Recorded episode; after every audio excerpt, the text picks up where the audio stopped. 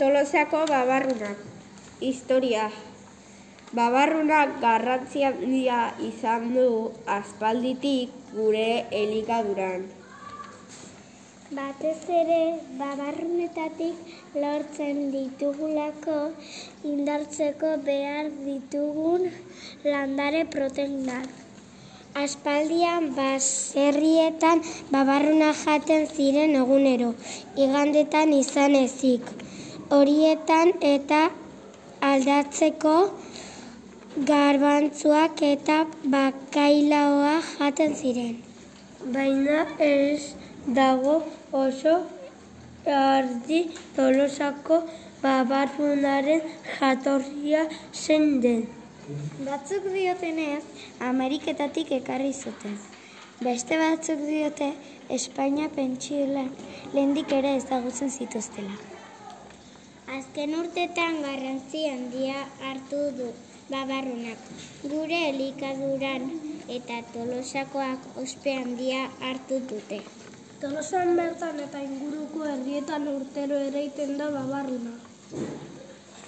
Bai, eta larun batero zerjauzian egiten den azokan aurkituko ditugu babarrunak salgai. Eta babarrun ezaugarria.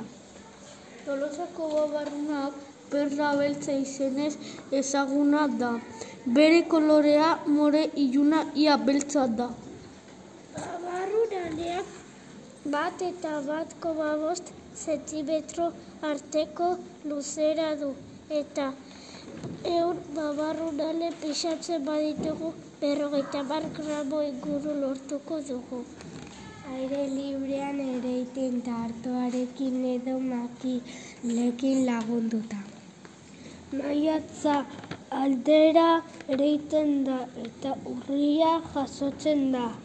Eren aurretik lurra prestatzen da eta maiatza erdi aldera eren batzuk artoarekin batera. Artoarekin ez bada ereiten gero makila jarri behar dira. Urrian bilketa hasten da. Eskuz biz biltzen dira. Lekak eta ondo lehortu ondoren lekak barra barruko perlak prest egoten dira. Eltzean goxo-goxo prestatzeko. Babarruna erkartea. Tolosako babarruna defendatu eta mundun osoan ezagutarazteko babarrunaren elkartea bat dago. Entzuna, kanta polita sortu dugun.